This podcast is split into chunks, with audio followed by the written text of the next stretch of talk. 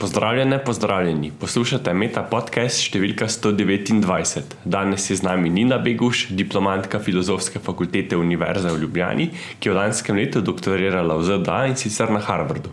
Sedaj je raziskovalka transformacij človeka.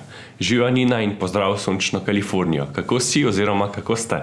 Uh, živijo, Marko.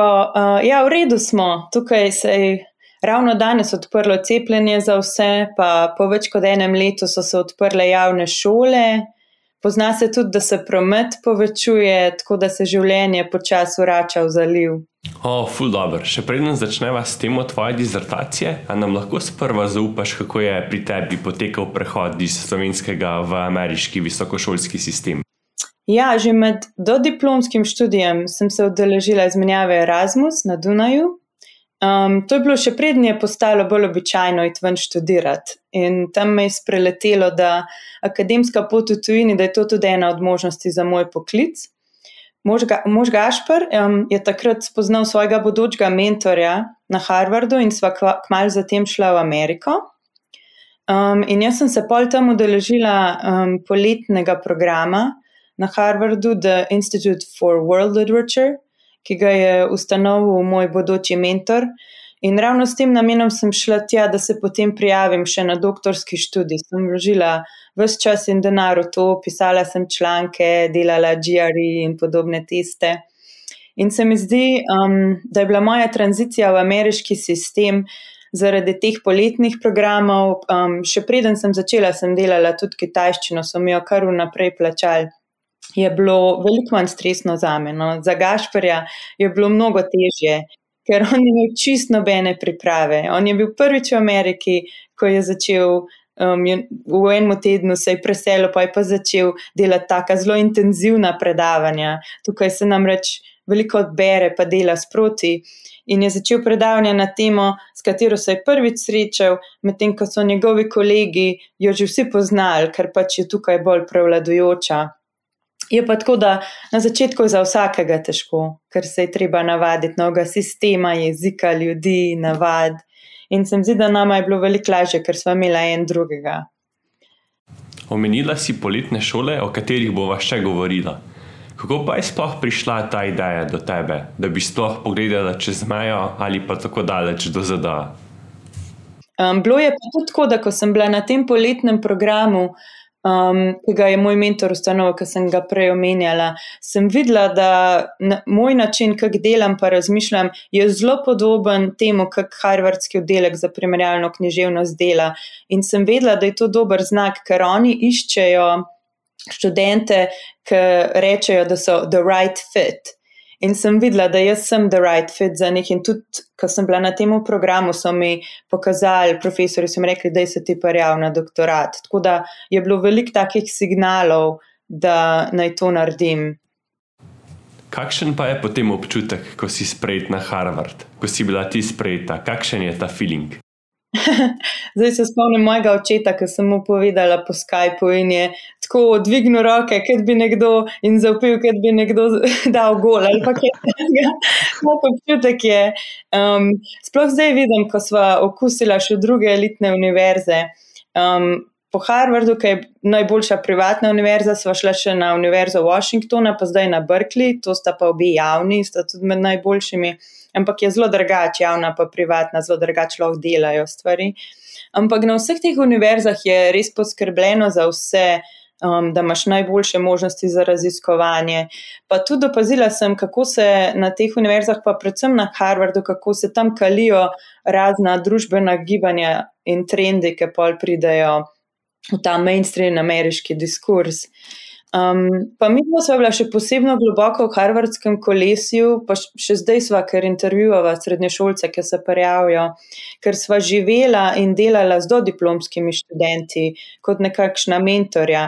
Kar je bila čist posebna izkušnja, ki je značilna v bistvu samo za Harvard, pa še je ima mogoče um, en del takega programa, kjer je ta kampus kultura rezidenčnih koledžev razvita do vseh detajlov.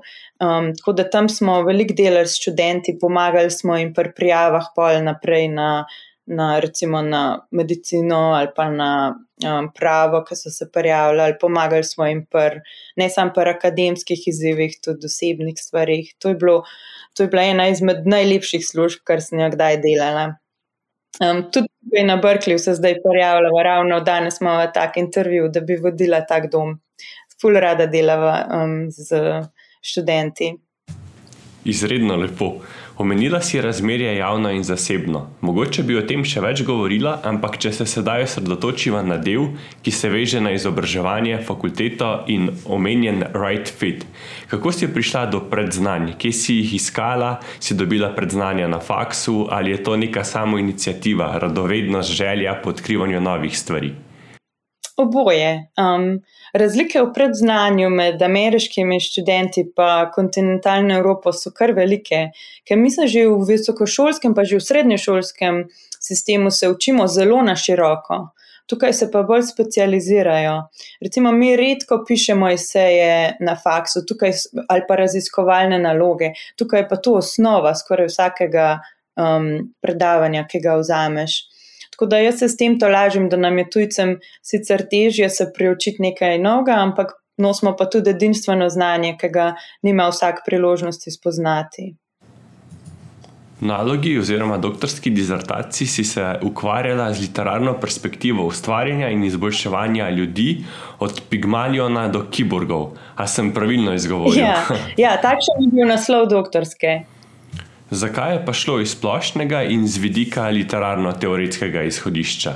Vprašanje, ki me je privedlo do te teme, um, je bilo bolj kulturno kot psihološko. Je bilo, zakaj ljudje skušamo poustvariti in izboljšati svojo podobo skozi znanost in umetnost ker ima že v najstarejših, pa še v današnjih literarnih in drugih umetniških delih take primere, danes predvsem v tehnologiji, recimo robote, virtualne pomočnike, umetno inteligenco, pa tudi v biotehnološkem izboljševanju človeških moči. To je taka esenca pigmalionizma. Kakšno povezavo pa sploh ima literatura s pigmalionom in kiborgi? A je to umetna inteligenca? Um, se pravi, Pigmelion je bil ciprski kralj, ki ga je Ovid slavno upodobil v svojih metamorfozah kot kiparja, ki se navliča žensk in se zato ustvari popolno žensko v obliki kipa. In s tem kipom potem ravna kot da je živ, in na njegovo prošnjo ga boginja dejansko živi in srečno živita do konca svojih dni. Um, In ta povezava, recimo Pygmalion, je, je bil od tam od 18. stoletja naprej na Zahodu eden od glavnih motivov, kjer se je zrcalil odnos do poustvarjanja in izboljševanja človeka. Ena taka dobra povezava je um, šovova Eliza Doolittle iz njegove drame Pygmalion, kjer jaz trdim, je Šoži pokazal, kako. Um, se je to treniranje računalnikov, pa računalniškega jezika, že začelo nekako, on je nekako slutil, kako bo šlo, ker je imel zelo dobre veze um, z, z Belom, izumiteljem telefona. In zelo dobro pokaže, ker recimo način, kako Higgins trenira Elizo, je zelo podoben, kako mi danes treniramo umetno inteligenco. Tako da umetna inteligenca je ena izmed teh tehnoloških povezav. Jaz sem pisala še o socialni robotiki, pa potem o neurotehnologiji in biotehnologiji. Te so trenutno najbolj kulturno pereče tehnologije, kar se tiče spreminjanja ali pa imitiranja človeka samega.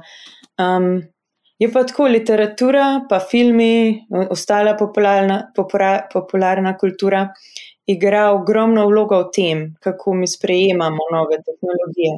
Tu se res dobro vidi pri umetni inteligenci, pa robotiki, ki sta običajno predstavljeni kot nek grozeč element nekaj, kar bo prevzelo svet, um, podjarmilo človeka.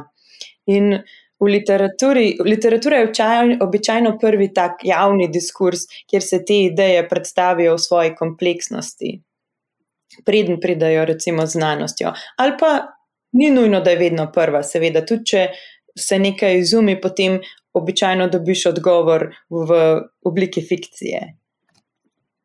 Splošno v literarnih delih relativno redko srečamo ali pa pogosto, odvisno od vrsti, ki jo beremo, recimo nekakšne možganske usadke, medtem ko je bila vzpostavitev Neuralinka z idejo povezovanja možganov z računalniškimi rešitvami zelo dobro medijsko pokrita. Ali lahko tukaj najdemo kakšne povezave s projektom Neuralink in perspektivo literarne teorije? Ja, jaz sem dejansko delala na tem. Um, tukaj v ameriški znanstveni fantastiki, pa tudi v kitajski, ki jo zdaj berem, je kar velik tega, dejansko uporabljajo te nove izume, Um, ali pa recimo podobne stvari. Máš že um, v 50-ih letih najdeš recimo Roald Dahl ali pa uh, James Tiptree Jr., ki je v bistvu Alice Sheldon, to je bil njen pseudonim, pišeta o takih neurolinkih. Tako da sta si jih predstavljala že vnaprej. Zelo, zelo podobne naprave. Ja, tako da se da veliko potegniti iz tega, ker recimo ravno na, um, na medicini, kjer sem študentom etiko predavala in jih je zelo zanimala neurotehnologija, smo brali te zgodbe in potem iz njih izpeljavali etične probleme. V navezavi na medicino in bolniško osebje, na kak način si za njih oblikovala predavanja? Kako je lažje ali pa težje neke etične, pa tudi družbene vidike, mogoče tudi triažo, ki je dan danes zelo aktualna, saj na vzven, čeprav je to nekaj vsakodnevnega, potem povezati z literaturo in zakaj je literatura medij, ki je bliže ljudem? Ja, to je res. Um, drugač zadane, ko prebereš neko fiktivno zgodbo ali pa tudi nefiktivno. Um, jaz sem veliko delala tudi spominsko literaturo um, pa, paraliziranih ljudi in komunikacijo. Um, drugač, drugačna diskusija pride z njej, bolj nijansiran, nijansirana, kar ne pomeni, da se vedno uporablja sam literatura, uporablja se oboje, oboje ima svoj, um, se pravi, realni primeri pa fiktivni oboje ima svojo vlogo v medicinskem diskurzu, pa etičnem diskurzu. Um, sploh zdaj, odkar je um, medicinska humanistika postala tako uspešna, um, se pravi, to je tako interdisciplinarno področje, ki osmišlja medicino s pomočjo humanistike. Um, medicinska humanistika se osredotoča predvsem na izobraževanje zdravstvenih delavcev, potem pa obstaja še zdravstvena humanistika, ki ima pa malce širše cilje. Um, gre pa vedno za to, da recimo literatura se je izkazala kot dober medij za diskusije v, v učilnici. Tukaj jo imajo vse boljše medicinske fakultete v programu, kot tudi izven, recimo po bolnicah imajo skupine. Um, pa seveda literatura upravlja tudi tako simbolno kulturno funkcijo. To vidimo že potem, da se pigmalionizem kot medicinska diagnoza se imenuje po literarnem liku. Ali pa to je bilo meni predvsem zanimivo, ko etiki posežejo po recimo treh zakonih robotike, ki so znani iz zgodb Isaaca Ezimova. Se pravi, se igrajo z literarnimi predlogi, kot da so totalno resna stvar. Ni, literatura ni nek, tukaj jo ne jemljajo kot nekaj, kar nima vpliva na dejanski svet. Z Gašperjem Begušem sta pripravila program poletne šole za ameriške študente, za lokacijo izvedbe pa sta izbrala Ljubljano. Gre za poletno šolo umetni inteligenci in humanistiki s podarkom na literaturi, jeziku in etiki. Torej, teme, ki so domače na eni podcast epizodi. Odkje je ideja za temo, ki je več kot aktualna in kaj so se, oziroma predvidevam, da bi se lahko študentke in študentke naučili. Ja, veliko stvari se je povezalo. Najprej smo z možem ugotovili, da delava stvari, ki se izpolnjujejo. Jaz filozofijo in etiko tehnologije, predvsem z področja jezika, on pa kot lingvist in računalničar, ki uči nevronske mreže govoriti, bi študente um, učil osnov kodiranja in nevronskih mrež. In potem ravno lani, ko bi morali imeti šolo, je Ljubljana oziroma inštitut Jožefa Štefana predsedovala Evropskemu UNESCO raziskovalnemu centru za umetno inteligenco, ki je bil pred kratkim ustanovljen. Tako da sva se povezala z njimi, povabila še nekaj naših strokovnjakov v naš program. In um, ja, res škoda, da je zaradi pandemije vse padlo v vodo, ker je bilo zanimanja med študenti ogromno. Eni so hoteli priti tudi samo zaradi Slovenije, da bi jo videli, da bi se učili slovensko. Ampak um, bilo je predvsem to, da damo študentom eno možnost, ki ni zelo navzoča in sicer to, da se učiš osnove umetne inteligence, hkrati imaš pa tudi um, to širšo filozofsko perspektivo do tehnologije. Sedaj delaš na Berggruen inštitutu. S čim se ukvarjaš? Ja, mi smo tak raziskovalni inštitut, ki skuša veliko vplivati na politiko. Eden od prvih projektov je bil kmalo po njegovi ustanovitvi 2010, tam nekje med Obamovim mandatom, ko so pokazali, kako socialna omrežja vplivajo na volitve. Nekaj, kar je postalo jasno šele ob Obamovi izvolitvi. Um, tako delo na tem inštitutu je nekaj med akademskim delom in nekaj med konsultingom, svetovanjem za industrijo. Ta inštitut se ukvarja z velikimi preobrazbami 21. stoletja in ima štiri centre za prihodnost kapitalizma, demokracije, za globalizacijo in geopolitiko in našega, ki se imenuje preobrazbe človeka. In ta naš program je čisto nekaj unikatnega, ker z njim ustvarjamo novo prakso, ki povezuje inženirje, humaniste in umetnike. V bistvu inženirje in umetnike, ki so oboji inovativni, ustvarjajo izdelke, potem imamo pa še humaniste in znanstvenike, ki pa predvsem veliko razmišljamo in študiramo. Um, ideja je en tak Bauhaus 21. stoletja. Da, jaz pa kot raziskovalka imam rezidenco v Brklejevskem laboratoriju pri enemirskem znanstveniku, ki vodi oddelek za mikrobiologijo in biogeokemijo. Delam pa tudi s sintetičnimi biologi na Stanfordu, pa z velikimi in manjšimi tehnološkimi podjetji iz Silicijeve doline Seatla.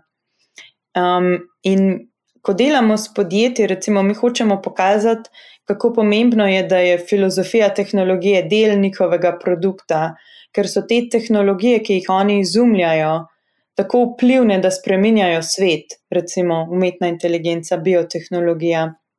Lahko ti povem, recimo, ravno tale teden.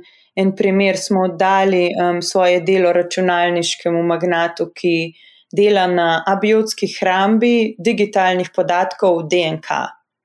No, ta tehnologija um, že dokazano deluje in bo v roku 5 do 10 let na razpolago. Vprašanje je samo, kako hitro, kako dobro um, in kako jo bojo ljudje sprejeli. Um, in pri vseh teh treh faktorjih oni potrebujejo nekoga, kot smo mi. Um, mi jim najprej pokažemo širšo vizijo te tehnologije, in sicer to, da spajajo dve tradicionalno nekompatibilni obliki inženirstva. Na eni strani sintetično molekularno biologijo, na drugi informacijsko tehnologijo, računalništvo. Um, in s tem pomagamo inženirjem, da lažje sodelujejo, ker prihajajo iz zelo različnih disciplin, in ustvarjamo kompatibilnost, ki ni samo na tehničnem nivoju, ampak je tudi konceptualna. Um, konceptualna je pa tako, um, DNK hramba podatkov temelji na tem, da računalništvo prevzema biologija. Se pravi, DNK je hramba informacij, ki jo je izumila narava in je dosti bolj kompaktna, stabilna, trajnejša od naših polprevodnikov, um, kjer se naši digitalni podatki hrane, hranijo danes in so povrh vsega. Um, zelo potratni in onesnažujoči. Potem um, zadnja faza um, naših projektov je pa, da jim pomagamo še pri razlaganju njihove inovacije laični javnosti. No, potem je pa še en del tega dela, je pa, da jim lahko pomagamo do teh spoznanj. Moramo pa res dobro poznati, kako ljudje in še posebej inženirji razmišljajo o stvarih. Um, naše delo temelji na antropološkem, terenskem delu v dejanskem podjetju ali pa laboratoriju, ki ga trenutno upravljamo preko Zuma. Kar je po eni strani skoraj lažje, ker imajo inženirji tisto celo uro časa, da s tabo govorijo, ne, kot če so na terenu. Um, potem pa delamo zgodovino konceptov. Um, Begriffsgeschichte je, je znana v Evropi, kjer recimo gledamo, um, kako sta pojma naravno in umetno nastala in si postala nasprotna. In to gledamo skozi študij filozofskih traktatov, beremo Aristotela, Descarta, Rousseauja, Kanta, ti so res ključni. In ta Bergruen inštitut um, ima res ogromno, odlično mrežo ljudi in povezav po svetu. Imamo svojo revijo, Noema, pa še center v Pekingu. Um, zdaj se je pa še izkazala potreba po izobraževalni ustanovi, tako da gradimo še šolo. Vmes sem te mislil vprašati, kako informacijski balončki ali pa umetna inteligenca vplivata na preobrazbo človeka. Obenem pa me zanima še nekaj drugega. Koliko terabajtov za te digitalne podatke bomo lahko imeli v možganjih čez recimo 20 let? Ja, vem, da se sliši, kot da je nekaj, kar bo povezano s človeškim telesom, ampak dejansko ni to, je umetno ustvarjena DNK. Trenutno je ta tehnologija samo za um, arhivsko hrambo podatkov. Ampak um, jaz sem prepričana, da bo šlo še v druge stvari. Um, to pa sicer ne pomeni, da nam bojo že čez 20 let dajali čipe v, v možgane, čeprav ni to neverjetno. Ampak dejansko pri DNA eh, hrambi gre samo za to, da ničke in enke um, pretvarjaš v nukleotide um, ATCG. Ah, okay. Gre predvsem za to, da rabijo uh, rešitev za, to, um, za te polprevodnike, ker so zelo potratni in um, digitalni podatki rastejo res z veliko hitrostjo, sploh zato, ker um, imamo zdaj umetno inteligenco, ki tudi potrebuje ogromno energije. Tako da rabimo neko um, okolje, varstveno dejansko rešitev, neko rešitev, ki ne bo toliko obremenjevala planeta za, našo, za naše virtualno življenje. Ker sledi jezikovni kotiček, jezika ne bo v kotu, temveč je v spredju. Katera besedna zveza, termin, izraz sta ti tekom priprav na današnji podcast povzročala največ sivih las? Nalogo si namreč pisala v angliščini, sedaj pa verjetno prvič predstavljaš slovenskemu občinstvu. Ja, um, se mi zdi, da ni bilo do zdaj kakšnih hudih problemov pri prevajanju. Bomo pa videli, kako bo, gotovo bojo, ko bom knjigo prevedla v slovenščino. Mi je pa pri tem vprašanju prišlo na misel, um, kako za to, kar zdaj delam, v bistvu še ni neke dobre oznake. Na Bergrenu temu rečejo transformacija človeka. Jaz sem v svoji doktorski nalogi iskovala termin umetna humanistika kot neko širšo oznako za interdisciplinaren študij osnovnih vprašanj o človeku, ki se trenutno, po mojem mnenju, kažejo predvsem v tehnologijah in interakciji med humanistiko in znanostjo. Um, in se spomnim, kako mi je ena od mojih mentoric rekla, da se ji zdi poimenovanje problematično v smislu, da bodo ljudje imeli slabe reakcije, če rečem nečemu, da je umetno, artificial. Ampak drugi mentori se niso strinjali, so rekli, pa sej umetna inteligenca nima več tako slabe konotacije. Pa sploh s tem, da imaš tak termin umetna humanistika in da ljudje približno razumejo, o čem govoriš, je že veliko redno. In ko, so, ko smo se to pogovarjali, sem si mislila, pa se je ravno to jaz študiram, tehnologija, mehanika, umetno in umetnost. To ni bilo vedno ločeno od narave, od biologije. Recimo, če bereš Aristotela, Kuzanusa iz 15. stoletja, Leonarda da Vinčija, tam še ni te ločitve. To se je zgodilo veliko kasneje, v 18. stoletju. Se pravi, je relativno nova stvar, ki pa močno prevzema naše vrednote in predsotke. Recimo pri teh hrambi podatkov DNK se to dobro vidi, um, ker je do zdaj veljalo, da sta narava in biologija ločeni od tehnologije, industrijskega Um, tako da imamo ljudje um, to nelagodje okrog biotehnologije, ravno zaradi te op opozicije. To vidimo pri, recimo pri negativni reakciji do genetsko spremenjene hrane, pa nasploh do sintetične biologije, ki je, ki je še relativno nova disciplina, ampak se da ogromno zno narediti. Recimo, ko pomisliš na filozofske implika implikacije sintetične biologije, to, da lahko ti na novo ustvariš en organizem, ki je že obstajal, recimo, skušajo narediti mamuta, naredili so že um, enega goloba, ki je izumrl, so ga zdaj naredili nazaj, pa nekega konja. Mamut je pač eno tako monumentalno delo, ki ga tudi probajo narediti. Poleg tega, da lahko narediš to, lahko narediš tudi popolnoma novo obliko, ki v naravi še ni obstajala. Kar pomeni, da za sintetično biologijo je v bistvu kar trenutno obstaja v naravi, ali pa kar je kdaj obstajalo, samo vrh ledene gore vseh možnih oblik, ki bi obstajale v naravi.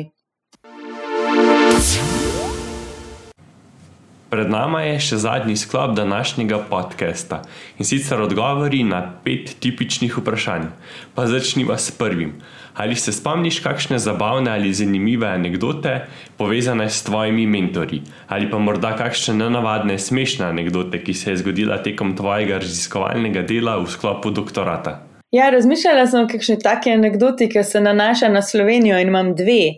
Um, mojim glavnim mentorjem, um, anglistom Markom Shellom, um, sva se zelo povezala že na samem začetku. Takoj, ko me je spoznal, je začel študirati v Sloveniji, slovenski literaturi in je potem tipično pikro komentiral: Slovenci, zgleda, mislite, da imate samo en otok, tistega na bledu, imate pa še enega v križki jami pa izolo, seveda, pa še ogromno drugih. Imam pa tudi obraten primer o poznavanju Slovenije, ko me je mentorica spraševala za slovaški prevod Dioniza Džurišina. Um, on je pisal o svetovni književnosti um, leta 92, preden je postala in um, z enim od mojih mentorjev na čelu, Davidom Demršem, ki je deset let zatem postal zvezda s podobno temo. Tako da nauk zgodbe je, da je bistveno lažje uspeti znanstveno, če pišeš v angleščini. Nedvomno drži. Kako so se pa od opisa do danes spremenila tvoja pričakovanja glede študija, in ali bi se ponovno odločila za doktorski študij? O, jaz bi definitivno še enkrat šla skozi doktorat. Um, so bila najlepša leta mojega življenja do zdaj, ali pa morda za zmeraj. Programi so res dobro narejeni, zelo intenzivno, te tako prisilijo, da organsko rašteš z njimi. Z Gašporjem smo bila oba presenečena, pa ne samo mi dva, tudi najni kolegi, um, kako malo so bili mentori dejansko upleteni v naše delo na Harvardu kar sicer ne drži za vsakogar, vsekakor pa za večino. Jaz sem imela potem še eno mentorico iz Univerze Washingtona in tam so bili mentori bistveno bolj um, na razpolago svojim študentom. Tako da na Harvardu smo bili raziskovalno povsem svobodni in hkrati ne vodeni, kako vzameš. Um, kar je. Mislim, da običajno bolj na teh univerzah, ker so študenti itak že sami dosti samo inicijativni, tako da je to bolj plus kot minus. Pa tudi to me je presenetilo, ker pač prihajam iz Evrope, kjer, mentor, kjer je odnos z mentorjem mal bolj hierarhičen. Moj mentor mi je, ko sem doktorirala, mi je prav rekel, čeprav zdaj greš, jaz bom cel življenje tvoj mentor, pa tvoj prijatelj, ti me kar poklič. tako da je, je ja, lepo je pač ker, ker se res navežeš. Ja, to je nedvomno primer dobrih mentorskih praks. Uh, sedaj pa naslednje vprašanje. Če bi imela priliko iti na kavo s predsednikom vlade, kaj bi mu predlagala, da izboljša na področju znanosti? Ja, ena taka stvar, ki običajno ne dobi dobre reakcije, če jo slovenci, ki smo v tujini, omenimo doma. Uh, mladi raziskovalci so v Sloveniji izbrani strani svojega mentorja, ki mora potem dobiti mesto za svojega študenta. Um, in jaz mislim, da na mesto, da izbiramo, izbiramo mentorje za te pozicije, bi morali izbirati najboljše študente. Se pravi, jaz sem bolj za meritokracijo, kot za takšno aristokracijo. To je tudi eden od razlogov, zakaj smo mi dva pristala v Ameriki, ker mojemu možu je kazalo, da bo dobil mladega raziskovalca, potem je pa nekaj časa kazalo slabo in je rekel, jaz se bom pač prijavil še v tujino za vsak slučaj, če se tole slučajno ne izide. Potem ga je sicer dobil, ampak je bil sprejet pač na druge univerze v tujini in tega pač ne zavrneš. Ne?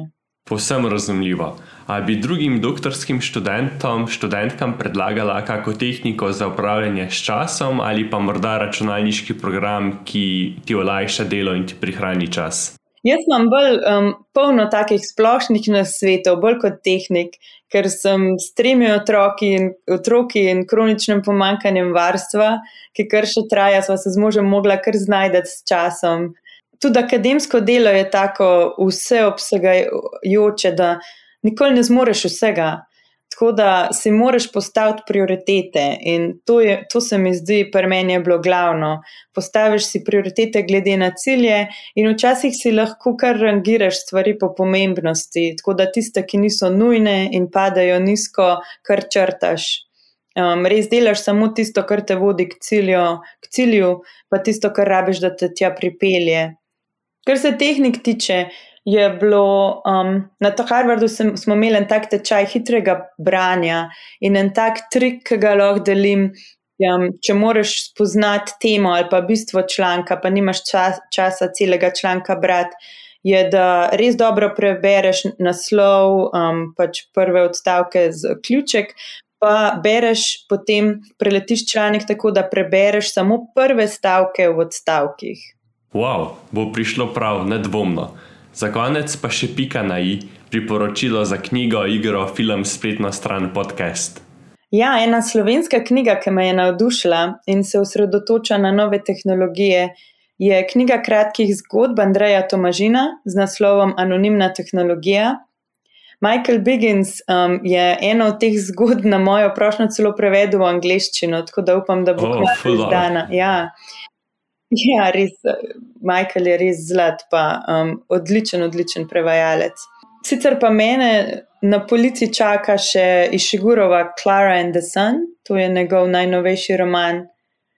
Pa Herbertovo Dune bi rada še enkrat prebrala. Um, pa trenutno berem um, Leo's The Three Body Problem, to je um, eden od bolj znanih um, romanov, trilogija um, iz kitajske znanstvene fantastike. Če pa koga zanimajo dobri podcasti v angleščini na temo tehnologije, imam pa tudi priporočilo. Um, Exponential View with uh, Azima Jar je zelo dobra. Ja, sicer pa pri nas se največ vrtijo lahko nočnice Radia Slovenije. Hudo. pa maček mu tovica uka, take, take stvari. Uh, ja, s tem sta prišla tudi do konca. Najlepša hvala, Nina, za čas, ki si si ga vzela in za ta prijeten podcast. ja, res hvala za povabilo. Pa se vidimo, upam, kmalo v Ljubljani ali pa v Brkliju. Ja, jaz tudi, drugo in prvo bo več kot super. Ja, odvisno, kdo bo prej prišel. Tako je. Hvala. Super, hvala, Marko. Poslušali ste Meta podcast, v katerem se pogovarjamo z mladimi znanstvenicami in mladimi znanstveniki iz različnih področji znanosti. Podcast domuje na spletišču metinalista.si, kjer najdete tudi druge zanimive znanstvene vsebine. Naše delo lahko podprete z donacijo Metini listi, pohvale, pripombe in predloge lahko posredujete na elektronski naslov znanost afnametinalista.si. Dobrodošli so tudi komentarji na Facebook profilu Metine liste in Twitter računu, ki še ni izbrisan. afnametinalista.si se slišimo čez 14 dni.